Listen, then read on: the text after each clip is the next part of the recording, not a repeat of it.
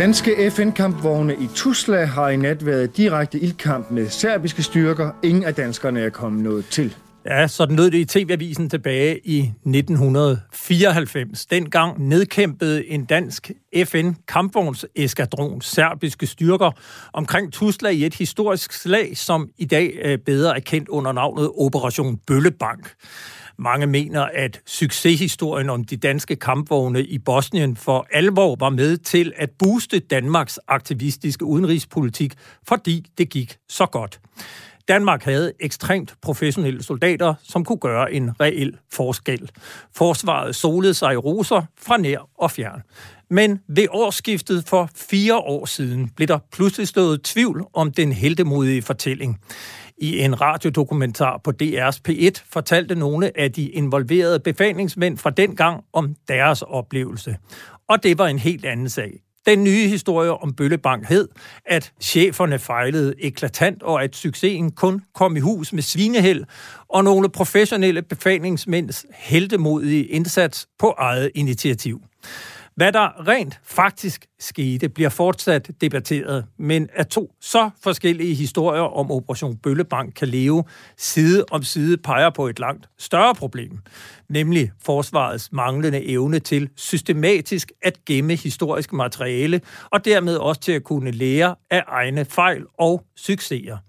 Har vi i virkeligheden et historieløst forsvar? Det diskuterer vi i frontlinjen i dag. Mit navn er Peter Ernstved Rasmussen. Velkommen til. Men vi begynder et helt andet sted. For to uger siden interviewede vi her på frontlinjen forsvarsminister Trine Bramsen, og hun sagde blandt andet det her. Vi er altså et demokrati, og i et demokrati, der er det politisk valgte, som der stiller op og tager de politiske øh, debatter. Det ændrer ikke ved, at man som øh, chefer i det offentlige øh, forventes at svare på, på spørgsmål, men man er ikke politiker, øh, og derfor øh, har jeg heller ikke en forventning om, at man, øh, at man øh, skriver debatindlæg øh, og den slags, helt ligesom at, at, øh, at, at, at chefer fra andre styrelser heller ikke gør det. Dagen efter interviewet med Trine Bramsen modtog vi her på frontlinjen og på Olfi en mail fra Forsvarskommandoen med besked om, at den nyudnævnte forsvarschef Flemming Lenfer alligevel ikke vil stille op til det interview, som han ellers lovede ved sin tiltrædelse tirsdag den 1. december. Den dag fik det nationale nyhedsbyrå Ritzau mulighed for at interviewe forsvarschefen, men det skete på betingelse af, at forsvarsminister Trine Bramsen også deltog i en slags dobbelt interview. Det gik ikke så godt, fortæller her Ritzaus journalist Thomas He. Det øh, er rigtigt, at interviewet øh, forløb ikke særlig godt, og stemningen i rummet blev mere og mere trykket. Og på et tidspunkt, så begyndte jeg at spørge Flemming Lend for, for at håbe, at han på en eller anden måde åbnede lidt op. Så stillede jeg ham et spørgsmål om, jeg tror, jeg spurgte om, hvad hans erfaring var med, med Bjørn Bisserup, om han havde noget at sige om ham.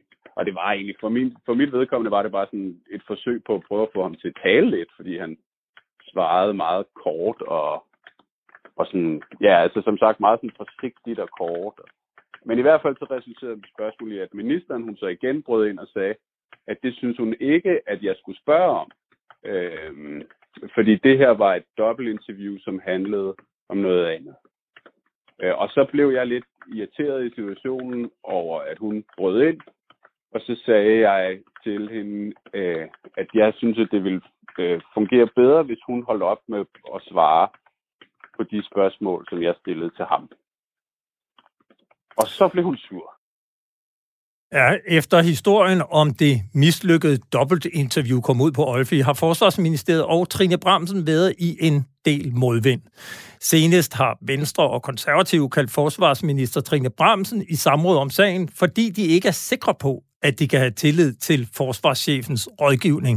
Jeg tænker, at det er helt afgørende, at vi kan have tillid til, at øh, ikke mindst i en situation, hvor vi er i forhandlinger med regeringen, at vi så også kan have tillid til, at at, at, at, at, at forsvarschefen øh, har mulighed for at komme med sin, sin oprigtige mening om tingene.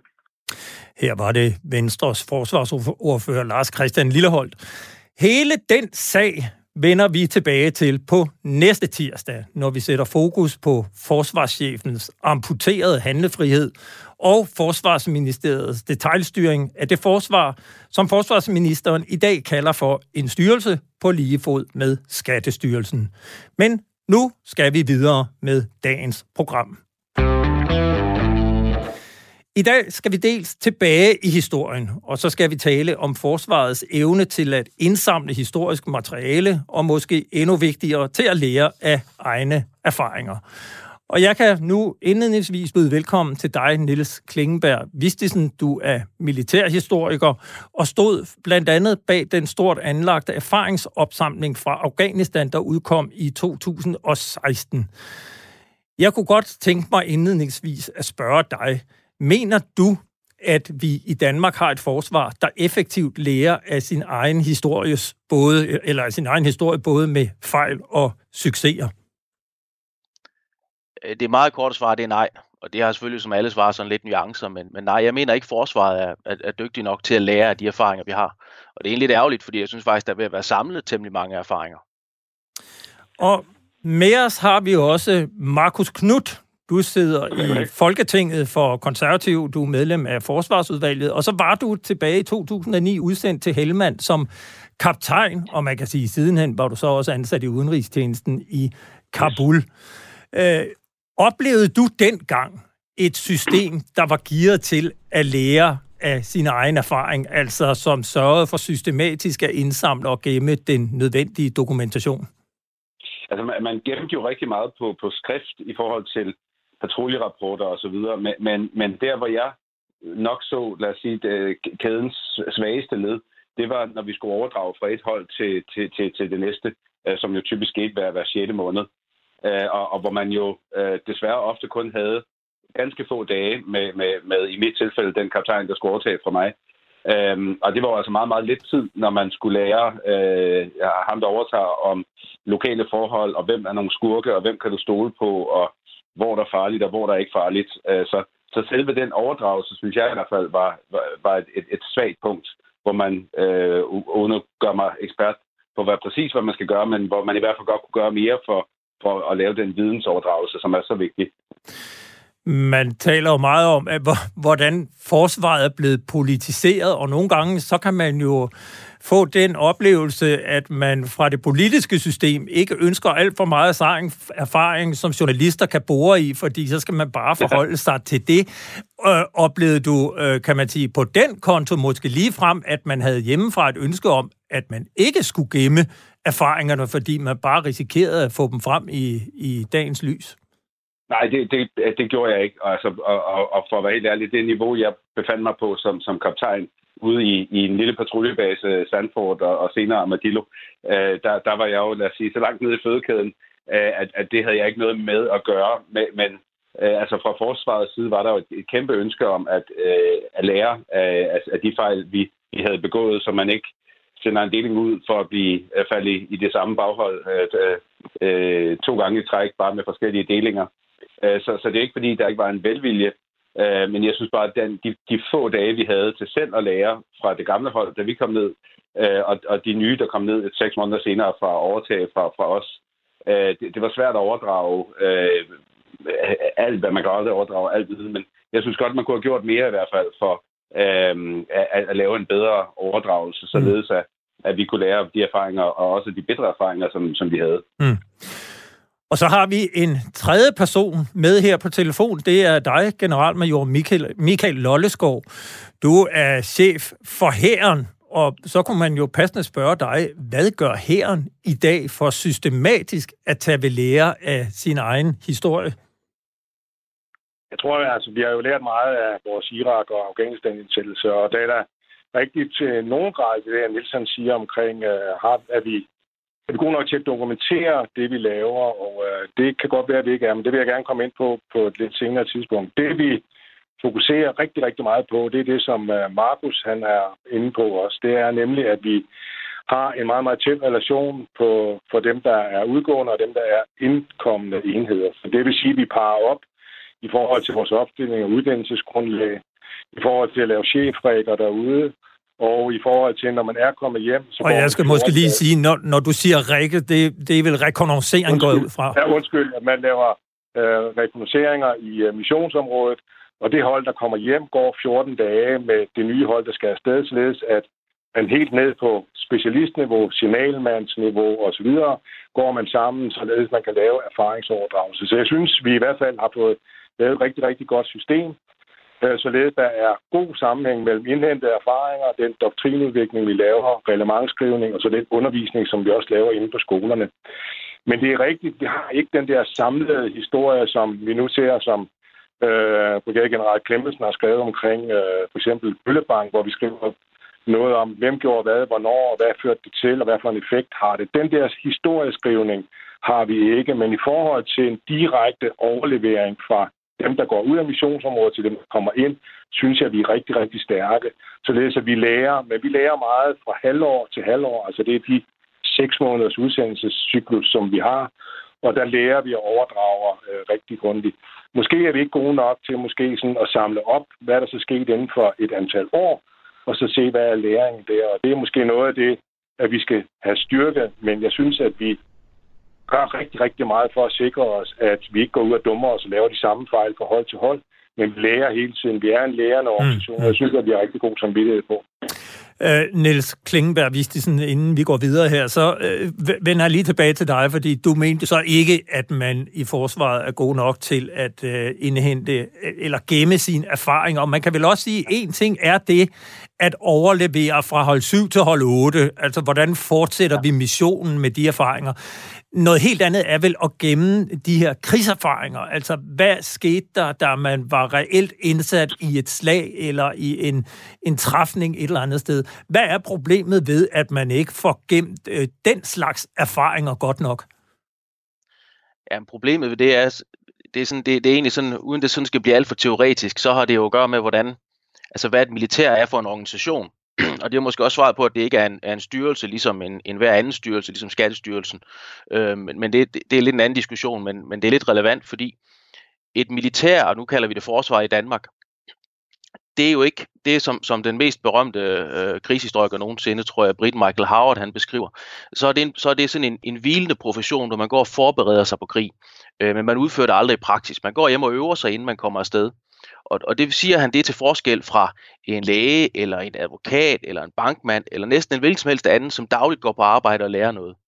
Et militær skal forberede sig på at, at komme i krig. Der er gået nogle soldater og forberedt sig på at skal til Afghanistan. Nogle går i dag og forbereder sig på måske at skal udkæmpe en, en krig med Rusland, eller hvor det ellers skulle være hen. Men, men de er nødt til at øve sig i sådan et, et kunstigt miljø. Og, og det eneste læringsgrundlag, de har i det her øvelsesmiljø, det her kunstige miljø, det er de erfaringer, der er gjort før altså fra nogen, der har været i krig før på en eller anden måde. Og hvis det grundlag, det ikke er, hvis det ikke er godt nok af forskellige årsager, for eksempel Bøllebank-historien, der ikke er, er, er godt nok dokumenteret, så inden, inden man næste gang skal i en kampvognstræfning, så har man ikke det grundlag øh, at lære af. Mm. Øh, måske endnu mere relevant for Markus Knuds tid i Afghanistan, hvor vi var indsat i oprørsbekæmpelse. Øh, altså der, der tror der er en vis sandsynlighed for, at vi på et eller andet tidspunkt skal engagere nogle danske soldater i en eller anden form for for stabilisering eller oprørsbekæmpelse af noget, der kunne ligne øh, Helmand eller sådan noget af den stil. Og så kan man sige, hvor er de erfaringer så øh, blevet af til at uddanne den styrke, der skal afsted dertil. Mm. Øhm, og der mener jeg, det er problematisk, hvis ikke, hvis ikke man har det grundlag på plads, hvis ikke man har det samlet det sammen, hvordan man gjorde.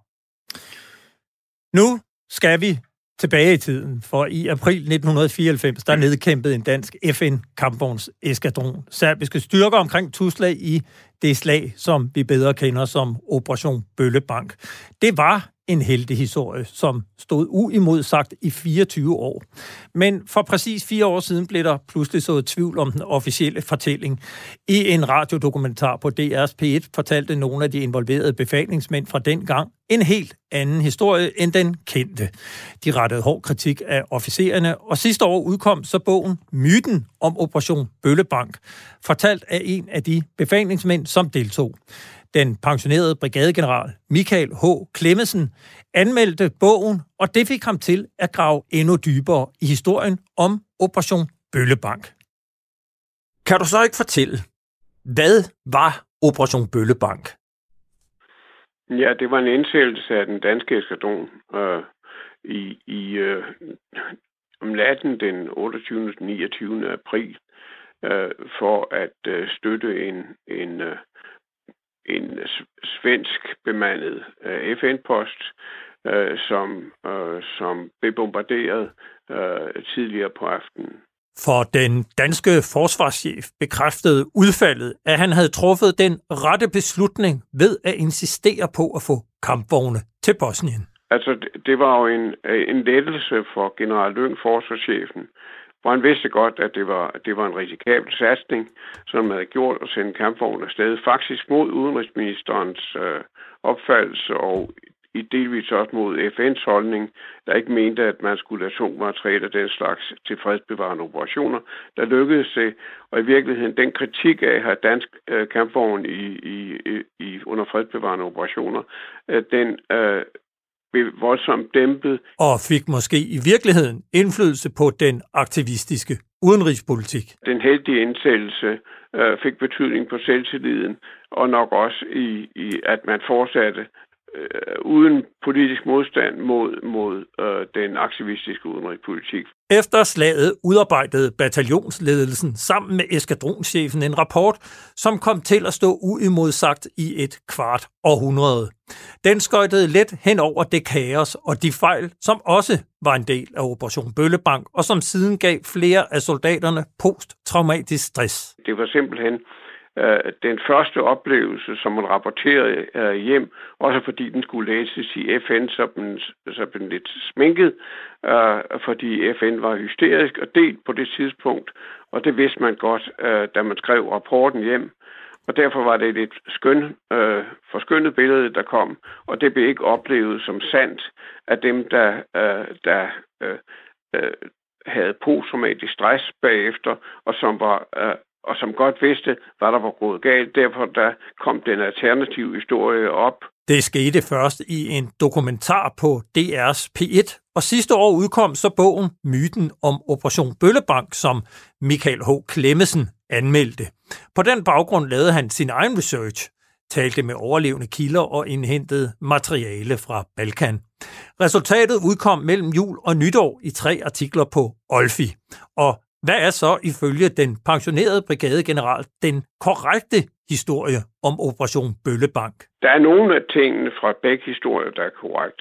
Altså simpelthen fordi de bliver set på forskellige synspunkter. En ting er, hvad man sidder øh, bataljonschef, og en anden ting, hvad man oplever, hvad der virkelig sker på jorden.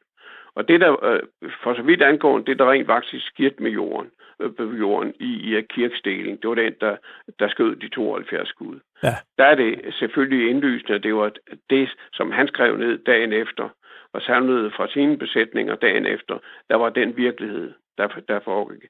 Øh, at man i den anden ende af, af systemet, når man sender en radioordre ud, tror, det sker, for når de faktisk, som man beordrer, begynder at skyde, så må det være, fordi man har givet ordren. Men, men det kan jo godt være, at det var på grund af, at manden tænkte selv og handlede selv, og det var virkeligheden. At, at Erik Kirk tog beslutningen på det tidspunkt, hvor resten af eskadronen var under serbisk beskydning, tog en stilling, øh, beslutningen gik i stilling og beskød bjerget, som han i øvrigt var blevet beordret til i den skriftlige ordre, øh, som, som øh, var givet nogle dage før. Ja. Hvor meget af dette materiale ligger forsvaret i dag inde med? Der, der ligger ikke ret meget i forsvaret. Simpelthen fordi der ligger øh, den indberetning, der, øh, der blev sendt øh, umiddelbart efter, og derefter ligger der selvfølgelig øh, aftermission-rapporten, altså øh, da kontingentet kommer hjem, ikke? Ja. Og i virkeligheden, den bliver så øh, omformet til en artikel i øh, kamptroppernes tidsskrift Kentaur. Det er, det, det, det er det, grundproblemerne ved hele sagen. Det er, at i modsætning til flyvevåbnet, der har hæren ingen tradition for at lave en, en, øh, en debriefing, en, en samlet debriefing bagefter, øh, således man øh, får indtryk af, hvad der er sket. Man får kun det, som cheferne tror, ikke det, som virkelig skete i virkeligheden. Så grundproblemet er, at hæren har en dårligere tradition, og den har aldrig rigtig fået det på plads. En dårligere tradition, når der lige har været udsat for en, en kampsituation, skal man debriefe, hvor alt, alle er til stede, således at både chefen og den enkelte menigs oplevelser bliver registreret, og alle får et, et indtryk af, hvad der er sket i de forskellige hjørner af strukturen. Det skete ikke. Og det var tilfældigt, at der var nogle professionelle stregbefalingsmænd, der sørgede for, at der blev, da man skrev sine erfaringer ned umiddelbart. Det var ikke cheferne, der gjorde det, og det fortryder den daværende eskadronschef, der nu er forsvarschef i Moskva, at det ikke skete. Hvad har vi så lært af hele historien om Operation Bøllebank? Man lærer ikke af succes. Man lærer kun, når man får tæsk. Og man, og man fik ikke tæsk her, så man lærte intet af Operation Bøllebank. Bortset fra det, der straks blev rapporteret hjem, allerede øh, lige efter Bøllebank, der gjorde, at den næste eskadron øh, blev betydeligt bedre udrustet, og kampvognene bedre sikret, men som helhed, der lærte man ikke noget. Ja, det er jo hårde ord. Nu kan man sige, at øh, Michael H. Klemmesen, han har jo været pensioneret i nogle år, og nu er spændt på at høre dig, Michael Lollesgaard, chef for den danske her. Har Klemmesen ret i, at vi ikke lært noget, og at vi stadig ikke rigtig har lært noget af øh, historien? Altså, jeg må, jeg må, må sige til min gamle overlæger inde på, på stabskurset, han er lidt bagud med i forhold til tiden. Altså debriefing var blandt andet en af de ting, som man lærte fra Bøllebank, og det er en integreret del af alle kamphandlinger og alt, hvad man laver, når man går på operation, at der er uførlige øh, debriefinger efterfølgende, hvor alt personel fra yngste konstabel op til ældste officerer er med, således man får talt alle tingene igennem, og man får skrevet ned, hvad der i virkeligheden er foregået, således alle perspektiver kommer på. Og det er en integreret del, og det er blandt andet noget, man lærte af Bøllebank, fordi at øh, blandt andet Carsten Rasmussen, som der også refereres til, fandt, at det var på grund af mange omstændigheder, at det fik de ikke gjort ordentligt, og derfor fik de ikke afviklet øh, operationen på en god måde. Det er selvfølgelig en integreret del i dag. Og, og, lære, bare, bare lige for, for at høre, altså, er, det så også noget, der bliver arkiveret, eller er det noget, holdet har, og så bliver det deletet til den, øh, altså, når, det, når de tager hjem? Jeg vil, godt, jeg vil godt sige, at det er, det er meget som noget, at holdet har. Og øh, vi er vi har nok nogle mangler her på skriftligheden øh, på det her, og øh, spørgsmålet er jo, øh, hvordan det skal håndteres øh, skriftligt. Det, der sker normalt med de her ting, det er jo, hvis der har været nogle voldsomme hændelser, så sender forsvar, så sender vi afsted det, der hedder et særligt hændelseshold afsted. Og de laver minutiøst, hvad der er foregået fra det startede til det sluttede, og der får man så identificeret de ting. Debriefing-ting, som man laver, som, som Clemmensen snakker om, er mere en psykologisk ting, hvor vi får snakket tingene igennem og får lavet en fælles forståelse af, hvad der er lavet.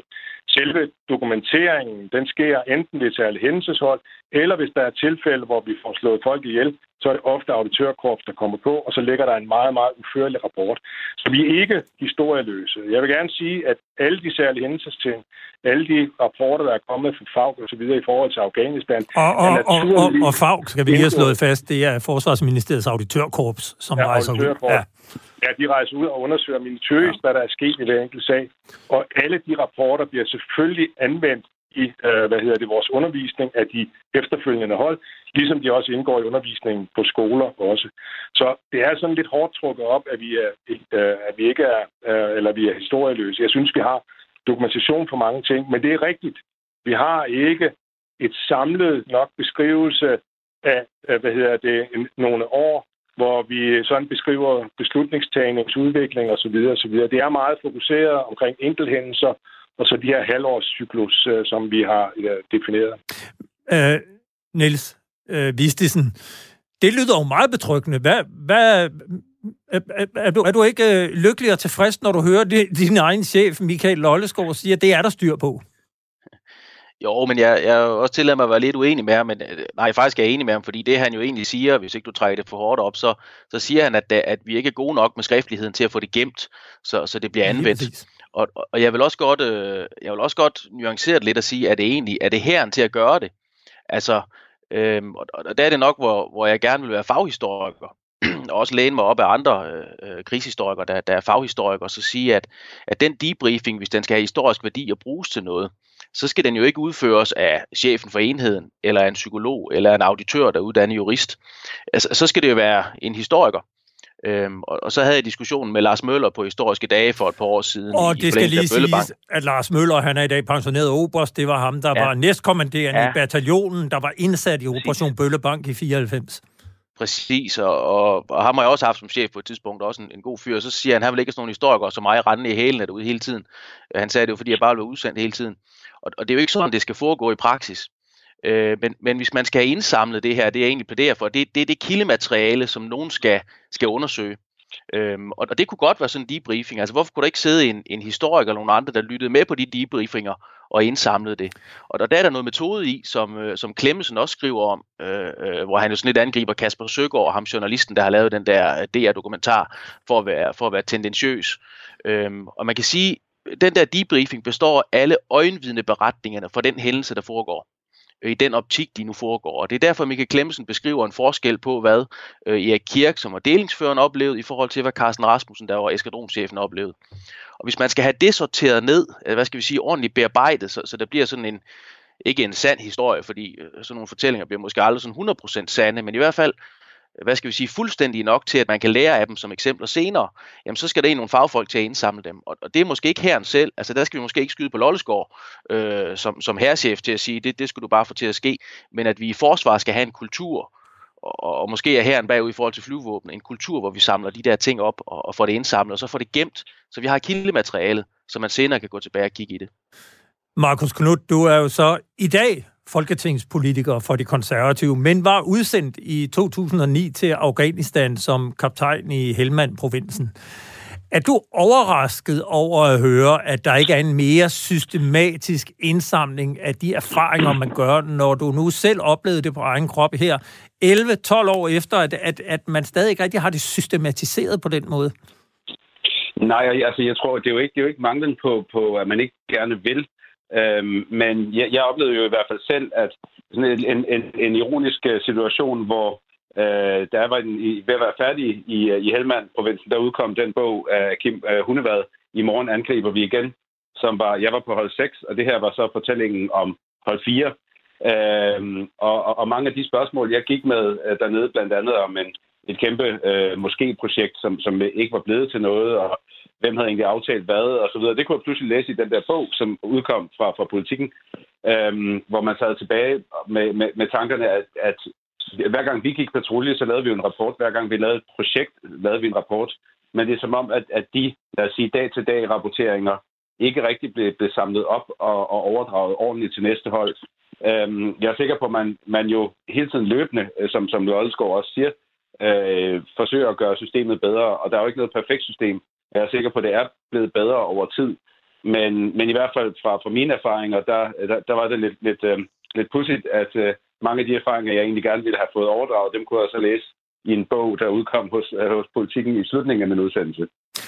Michael Lolleskov, øh, nu fortæller Markus Knud, at han kunne læse detaljer omkring det, det område, han var indsat i, i et civil forlags bog, og du fortalte selv, hvordan man er blevet rigtig god til at debriefe, men man gemmer måske ikke debriefingerne til det næste hold. Er det ikke et problem, at man ikke kan gå tilbage og, og, og få noget materiale fra de her øh, debriefinger, 1, 2, 3 hold tilbage, hvis man er udsendt i en, i en international mission? Jamen, det tror jeg også. Altså, jeg tror jeg også, jeg understreger det, at øh, der, hvor de operationer, hvor vi laver debriefinger på, bliver for det meste fyldt op af særlige hændelsesundersøgelser øh, uh, eller øh, undersøgelser ved auditørkorps, således at hændelserne specifikt der er, hvad hedder det, dokumenteret.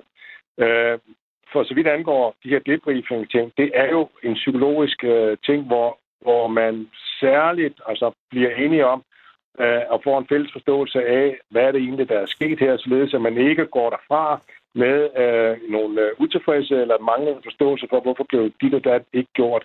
Så debriefingerne er meget, meget en intern øh, enhedsting, hvorimod at de her særlige hændelser og andre undersøgelser, som der bliver lavet i forbindelse med, med voldsomme hændelser, at øh, de er selvfølgelig øh, dokumenteret i øh, systemet.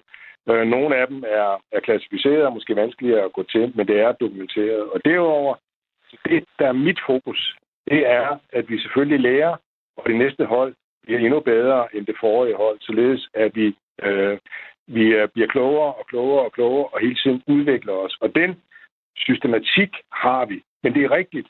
Der findes ikke en bog, der jeg har i hvert fald ikke læst den, der siger noget om, hvordan uh, skiftede udviklingen fra hold 3 til hold, øh, hold 15 ned i Afghanistan. Det var en rigtig, rigtig interessant bog at skrive, det vil være et super Ph.D.-projekt eller historikerprojekt at skrive, og der vil komme rigtig mange gode ting frem. Vi har ikke uh, gjort det uh, i hæren endnu, i det vi er meget fokuseret på, kan man sige, det doktrinmæssige, og det at få gjort enheder klar til udsendelse. Således er ideen sået til øh, de kadetter på Forsvarsakademiet, der måtte lytte med. Men Niels Klingenberg Vistisen, øh, militærhistoriker, hvis ja. forsvaret nu om 20-30 år skal i krig igen, kan vi så ja. stadig trække på de erfaringer, som øh, hæren har gjort i Afghanistan og i Irak? Nej, det mener jeg ikke, vi kan.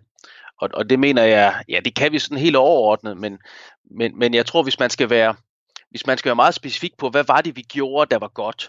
Altså, mens vi var indsat i Afghanistan, den, den danske bataljon dernede i Geresk, hvor Markus Knud var, hvor jeg var, og, og Lollesgaard var også dernede på, på besøg i 2010, også for ligesom at se, hvordan gjorde vi de her ting. Der fik vi hele tiden at vide, at vi gjorde det godt. Det var en, øh, det var en succes. Øh, englænder og amerikanere roste os. Øh, det, det førte lidt til den her øh, Øh, øh, politiske, og det er egentlig her, jeg kommer ind på sådan betydningen for vores strategiske kultur, eller hvad for nogle øh, engagementer, vi går ind i. Vi, vi, we were punching above our weight. Altså, vi, vi, øh, vi, vi boksede over vores vægtklasse i virkeligheden, fordi danske soldater, de var dygtige, de var effektive, og vi kunne godt med civilbefolkningen, og, og, og det må jo betyde sådan, at vi havde noget, noget godt taktik, eller noget godt doktrin, eller også havde vi bare nogle gode soldater, eller noget god træning. Men jeg tror ikke, man så ligesom kan sige, hvad var det?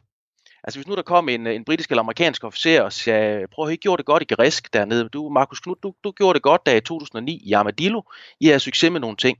Hvad var det rent taktisk doktrinært, der var en succes, for at vi kan lære nogle andre enheder, hvad det er, vi bruger her. Og der kan det være i 2025, vi skal til, øh, øh for at bruge nogle aktuelle eksempler med, med Lolsgaard, Mali eller Yemen. Det kan også være, at vi skal tilbage til, til Balkan eller til et østlige Ukraine, eller hvor vi nu skal hen og, og lave et eller andet engagement. Og så sige, hvad var det egentlig, erfaringerne var? Øhm, og det tror jeg godt, vi, det tror jeg, vi vil have vanskeligt ved at genfinde kildemateriale til at lave øh, for eksempel doktrinudvikling eller, eller øh, andre ting, eller bare historisk skrivning, der ligesom kan informere de officerer, der så skal afsted i den slags konflikter. Markus Knudt, øh, tidligere officer og nu folketingspolitiker. Kan vi overhovedet garantere befolkningen, at Danmarks aktivistiske udenrigspolitik ikke baserer sig på i bund og grund øh, fejlagtigt eller mangelfuldt grundlag? Jamen, jeg, jeg, jeg tror, noget af det vigtigste, vi har taget med os, det er jo, det er jo at vi nu har et, et officerskorps, der øh, på tværs af blandt andet Irak og Afghanistan over mange år jo, jo har personlige erfaringer øh, og kamperfaringer og counterinsurgency-erfaringer osv. Så, videre. så øh, nu, nu, nu, nu skal jeg ikke gøre mig øh, specialist i, hvad, hvad man underviser i af, af kurser og på HU osv., men den erfaring, der jo, der jo ligger indgroet nu i vores officerskorps, det gør jo, at, at mener jeg i hvert fald personligt, at vi har et, et, et, et helt andet forsvar i dag, end vi havde, lad os sige, i 90'erne eller 80'erne, hvor vi ikke havde de, de kamperfaringer.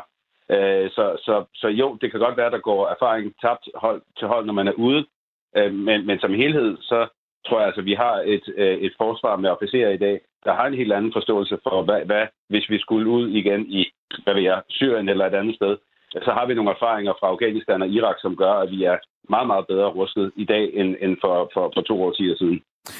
Øh, og Lolleskov, her til slut, inden vi hopper videre, kunne jeg måske bare lige spørge dig. Altså, der er jo bred enighed om her, at vi har en lang række officerer officerer, soldater, som har nogle individuelle erfaringer.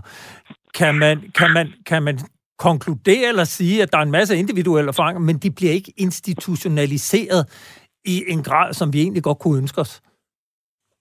Det, det synes jeg ikke er, er korrekt. Altså, de er institutionaliseret ved, at det står i vores øh, doktriner. Vores doktriner er blevet øh, opdateret, og dem underviser vi udefra. Vi skal, jeg tror, man skal passe på med at sådan tage en direkte linje fra den der aktivistiske udenrigspolitik, og så ned til, at, at vi tilvejebringer en battle group nede i, uh, i Helmand. Fordi vi har ikke stor handlefrihed, når vi er et lille land. Vi er i en NATO-operation, og vi bliver faktisk givet en operativ kontrol, som det hedder, af en britisk enhed, som i virkeligheden bestemmer, hvordan vi operativt skal agere i området. Så derfor den der lessons learned-proces øh, er jo kompleks, fordi der skal jo andre lande med ind over osv.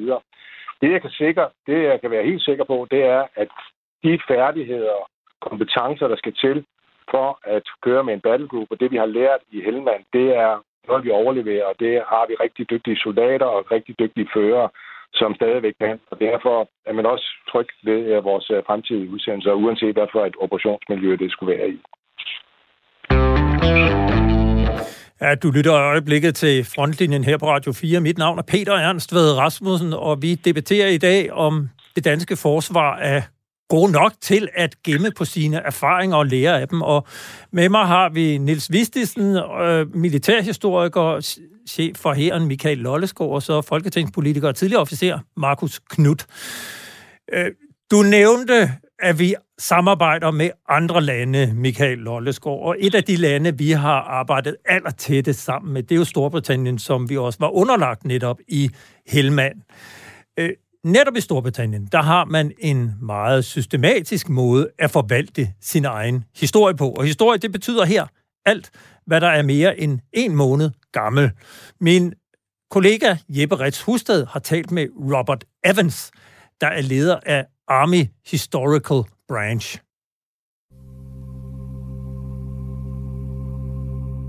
Our core function, the reason that the Army pays for us, is so that we are able to give them the factual information and the evidence.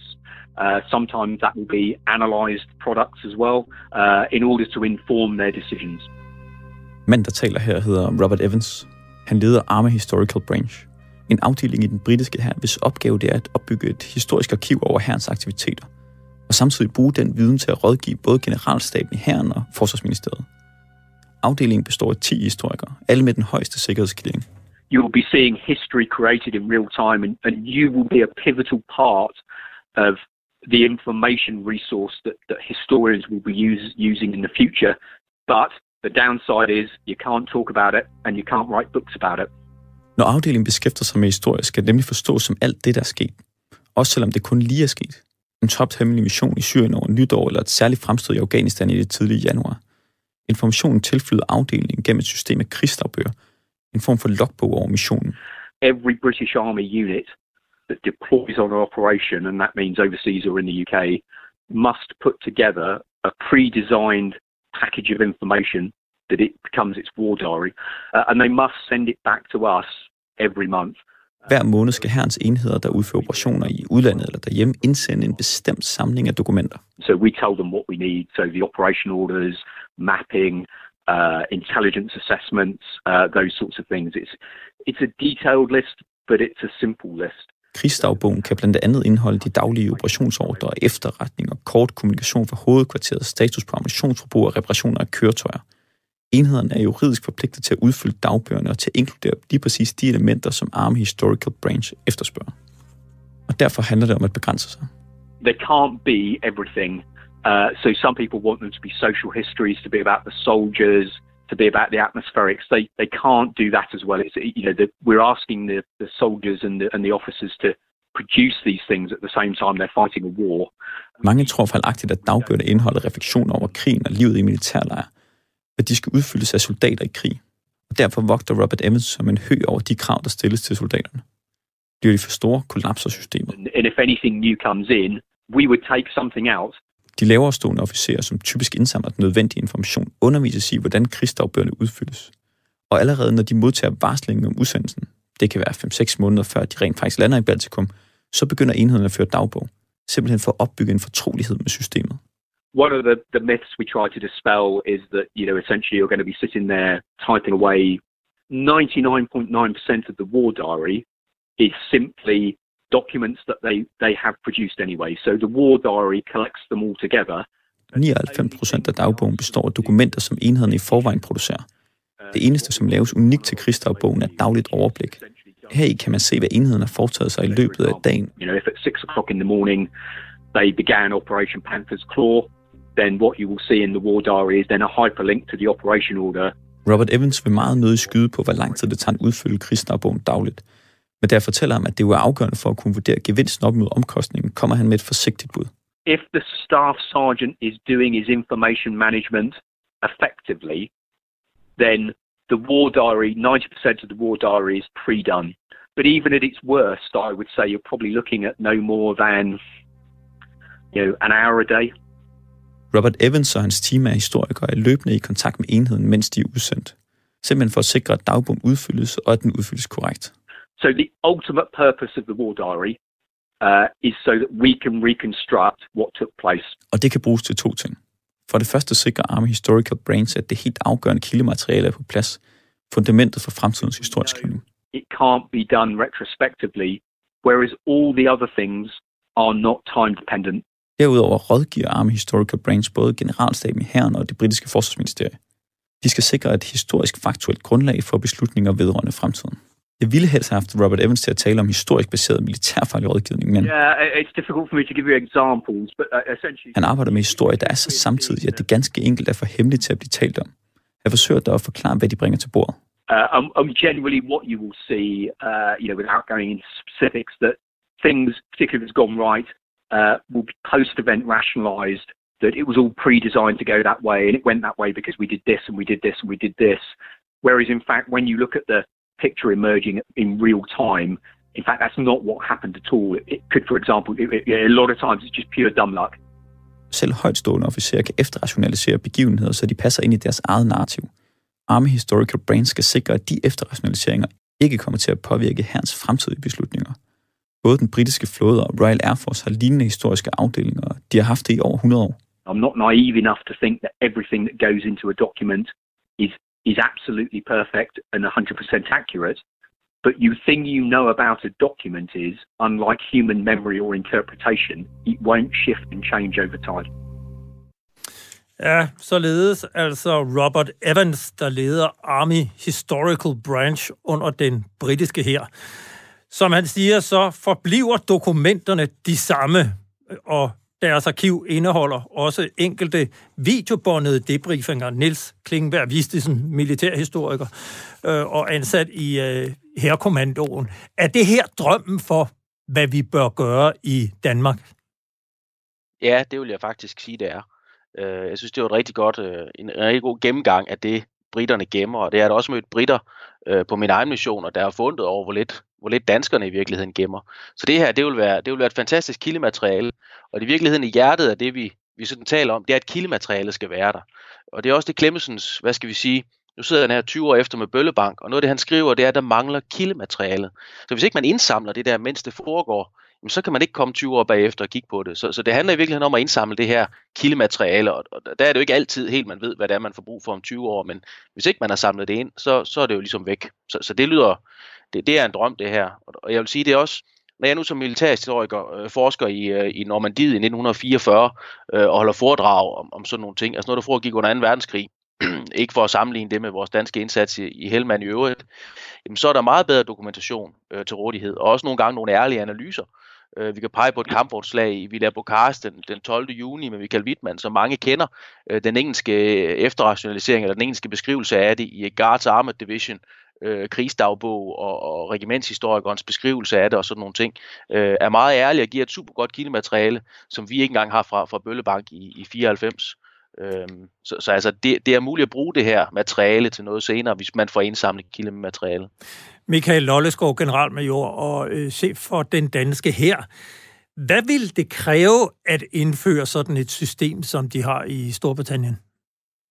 Det kræver en organisation uh, til det. Uh, og uh, altså, jeg, jeg synes, at det lyder jo uh, meget besmirrende det her, og, men det, jeg hæfter mig lidt ved, ikke også, det er, at det faktisk uh, det er hemmeligt, og det holdes uh, internt.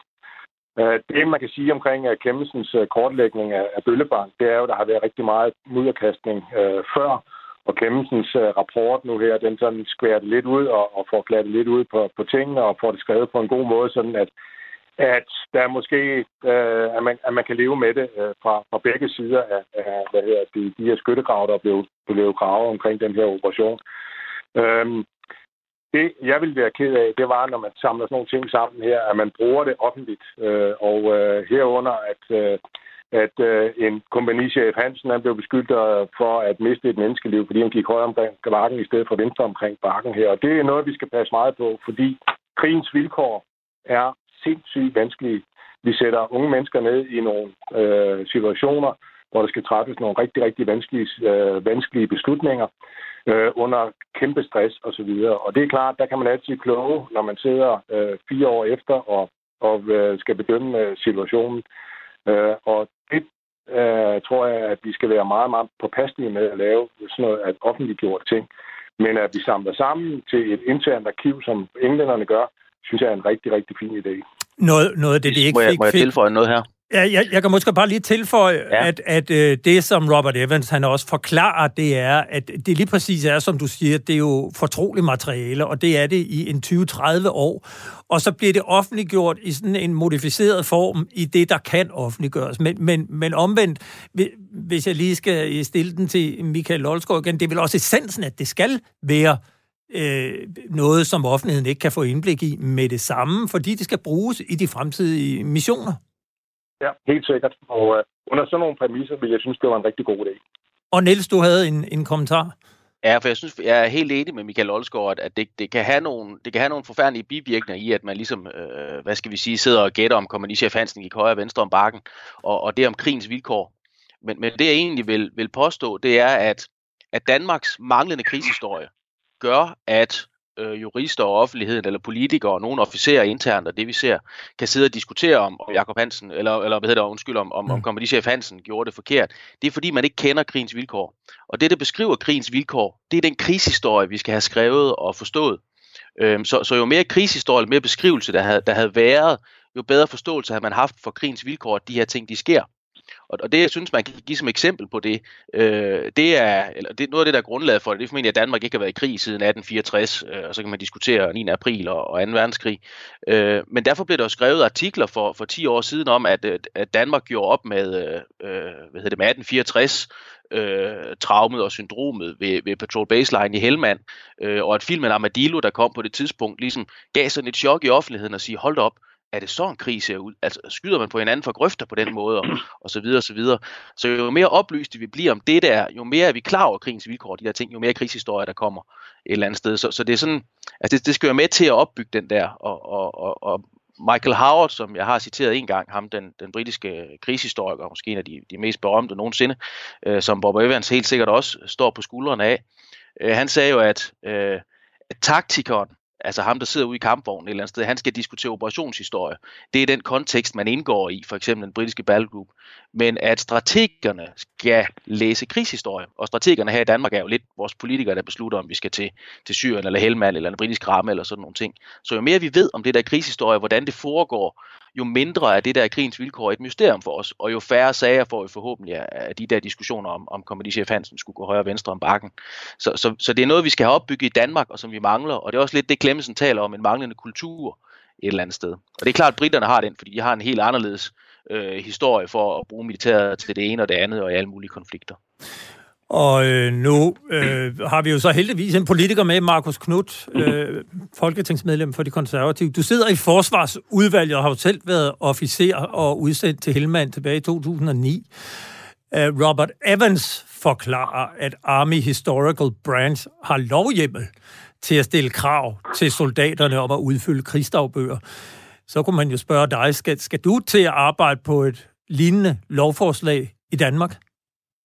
Jeg, jeg synes, det er meget interessant at høre, hvad britterne gør. Jeg synes i hvert fald godt, vi kunne gøre det bedre i Danmark. Jeg, skal, jeg tror bare også, man skal passe på med, om det er politikere, der skal øh, gå alt for meget ned i den detalje. Der har vi jo altså en, en meget, meget dygtig forsvarsledelse, som jo arbejder meget tæt med britterne, amerikanerne og så videre i, i forvejen. Øhm, jeg, jeg, jeg vil læne mig meget op af, hvad, hvad, hvad de selv anbefaler. Men, men som Lollesgaard sagde, altså, der er jo ikke lavet et, et, et samlet overblik for eksempel over den danske indsats i, i, i Helmand på, på hvad, næsten 10 år. Øhm, og, og jeg synes, der er i hvert fald der er mange erfaringer, som man risikerer at gå, gå tabt over tid. Bare, bare det, vores afghanske øh, samarbejdspartnere fra den afghanske her alt overvejende var, var shia-muslimer, der, der talte dig, øh, versus de, de lokale, som er sunni-muslimer, der talte pashto. Altså, det var, det var to vidt forskellige folkeslag. Der, der er så mange ting, man, man risikerer, der, der går tabt, hvis man ikke sørger for at, at holde fast i det. Øh, for, fordi det, der sådan, uh, hænger tilbage, i hvert fald i den, i den store uh, offentlighed, er jo netop altså film som Armadillo, eller i morgen angriber vi igen bogen. Um, og, og, og jeg har det sådan, når, når, når, hvis det er en kampagne, der er slut, og et område, vi ikke er aktive i længere, så vil jeg altså ikke være så bange for fortroligheden, altså for nogle af de her historier og erfaringer ud, især når vi ikke længere har soldater indsat i området. Vi noterede os her på frontlinjen for nylig et Facebook-opslag fra Herrens Officerskole, som efterlyste et kort over Armadillo. og hvor man jo kan undre sig lidt over, at man øh, på. Herrens officerskole ikke ligger inde med øh, sådan et kortmateriale. Man kan sige, det, det der er øh, essensen her, er vel i bund og grund, øh, altså for mig som øh, lægmand lyder det som om, at man i bund og grund har behov for en database, hvor man egentlig bare kan lægge de her rapporter ind. Altså i dag går alle rundt med mobiltelefoner, man kan tage et billede af, af noter, man har skrevet ned, og så bare få det lavet et sted. Hvor, hvor besværligt vil det være at lave et, bare et, et, et, et, et simpelt system, hvor man kunne sørge for, at man gemmer alle de her øh, personlige indberetninger og, og, og debriefinger, og den kan jeg måske passende stille til dig, øh, Michael Lolleskov. Ja, det ved jeg ikke. Jeg sidder ikke øh, med det til daglig, men øh, jeg, kan, jeg er forholdsvis sikker på, øh, fordi vores, vores operationer bliver kørt af operationsstaben, som ikke ligger i hæren, men jeg er forholdsvis sikker på, at alt det, vi sender hjem, og alt det, der bliver sendt hjem øh, nede fra missionsområderne, det bliver jo lagret et sted, og så går det jo i Rigsarkivet. Så det er jo et eller andet sted, som man kan søge på. Men spørgsmålet er så, om det er nok, der bliver sendt hjem. Øh, for eksempel alle vores befalinger, alle operationskort osv. Øh, der kan godt være, at der er nogle steder, at det ikke kommer med hjem, og øh, det kan da godt være, at der skal lige laves noget yderligere direktiver og sådan noget på den her baggrund, som, som så i hvert fald øh, kan blive læret og så komme i Rigsarkivet. Så må man så, dem der ønsker at forske det på et senere tidspunkt, kan, kan uddrage de ting. Hvad, hvad mener du, øh, Niels Vistesen, man kunne gøre på den korte bane, altså uden at skulle ændre lovgivningen og uden at skulle oprette sådan en hel afdeling for krigserfaringer? Hvad tænker du kunne være en holdbar løsning sådan fremadrettet? Jamen, jeg tror, der er to ting i virkeligheden. Vi har lidt en organisation i forsvaret, og det er Institut for Krigshistorie og, og Militærteori inde på, inde på Forsvarsakademiet. Og de er en lille smule ved at røre ved det her. En rigtig dygtig forsker, Anne-Sophie Schøning, hun har skrevet et phd projekt derinde om, hvordan øh, forsvaret lærer, hvordan officerskadetter de lærer af det her krigshistorie og krig. Det svarer så ikke på, hvad man gør, når, når kilderne ikke er der. Det er egentlig det, der er min anke. Men vi er et stykke hen ad vejen. Og nu ved jeg, at, øh, at Søren Nørby, en anden forsker derinde, han skal nu i gang med, øh, formentlig snart, med, med, øh, med et skib fra flåden, der skal udsende sin mission. Og prøve at være med i en opstartsfase og en afslutningsfase på, at der kommer mere materiale hjem, som, som kan bruges til sådan noget. Vi har også et regiment som, øh, som Livgarden, der så, så vidt jeg ved, det eneste har en, har en regimentshistoriker ansat, der faktisk kører et rigtig fint lille museum og indsamler en masse ting, som, som kan bruges. Så der er nogen, som, som godt kan, og, og de er formentlig ikke nok og skal have noget andet adgang og sådan nogle ting. Det, det er nok den ene ting, der skal til. Så man slipper ikke helt for noget organisation. Øhm, det, det er bare ikke sådan en, en, en historiker på hvert hold. Og så den anden ting, det er, at vi skal simpelthen vi skal have lavet de her skabeloner, som holdene skal bruge. Øh, og jeg er helt enig med britterne i, øh, og for min det her skal ikke blive noget tungt noget. Øh, vi er nødt til ligesom at sige, altså lære officerer at skrive en krigsdagbog, der kan bruges til det her senere for eksempel. Øh, og, og, og, og det skal jo ud i både her og flyvåbnet og, og, og søværnet og, og andre steder i virkeligheden. Prøv at tænke på NMI, som vi lige har overtaget lederskabet af som, som, som mission nede i, nede i Bagdad, hvad, hvad vi har omkring i Irak. Mm. Ja, ja. Jeg siger bare NMI, det, ja, hedder, det er en NATO-mission ja, ja. i Irak. Men, men Niels Dingberg, ja. Vistisen, er udfordringen med de eksempler, du nævner, altså Søren Nørby, der skal med ud og sejle med et, et skib, og nogen, der, der ja. undersøger, at, at dem, der undersøger eller forsker, ikke er sikkerhedsgodkendt. Er det ikke lige præcis det, at vi har behov for at få læret de fortrolige eller klassificerede erfaringer fra de missioner, så at de efterfølgere, øh, eller at efterfølgerne kan bruge dem? Nej, det, det tror jeg egentlig ikke. Altså, jeg, jeg tror, de er sikkerhedsgodkendte, eller kan blive det i hvert fald. Så, så det ser jeg ikke som noget stort problem. Altså, jeg tror, det, det er primært en kulturændring, om at vi skal, vi skal samle det her ind, og så se, og så se et behov for det. Øhm, og jeg, jeg synes ikke, det er så underligt. Altså, Danmark er gået i, i, i som, som et fredstid, indtil vi begyndte på Balkan i starten af 90'erne. Og nu begynder vi så at have opbygget et kæmpe erfaringsgrundlag fra, fra primært Balkan, Irak, og, øh, og Afghanistan, men også nogle andre steder, op Riksyr og andre steder, øh, fjernelsen af kemiske våben i Syrien. Ikke? Vi har Lolleskov med, som selv har været forskommander i Mali og Yemen, der må der være nogle fantastiske erfaringer at, at, at, at samle ind. Så jeg tror, vi, nu er vi nået dertil, hvor vi skal have sat det i gang og begyndt at samle noget af det her ind. Øh, vi kan måske stadigvæk noget retrospektivt at samle lidt ind øh, med, med de begrænsninger, det nu har, men jeg, jeg tror godt, man kan. Jeg tror primært, det er et kulturspørgsmål. Ja, således øh, det blev det sidste ord i denne her omgang. Jeg vil gerne sige tak til jer alle tre. Niels Vistisen, øh, militærhistoriker ansat i Herkommandoen, og din chef, generalmajor Michael Lolleskov, og så ikke mindst Markus Knudt, konservativt folketingsmedlem og tidligere udsendt til Helmand i 2009. Programmet her blev lavet i samarbejde med journalist Jeppe Rets Husted. Har du ris, ros eller gode idéer til emner, vi bør tage op, så kan du kontakte os på frontlinjen radio4.dk. Husk også, at du kan lytte til alle tidligere programmer som podcast i din podcastplayer eller ved at besøge radio4.dk-frontlinjen. Vi er tilbage på næste tirsdag kl. 11.05 på Glædeligt Genhør.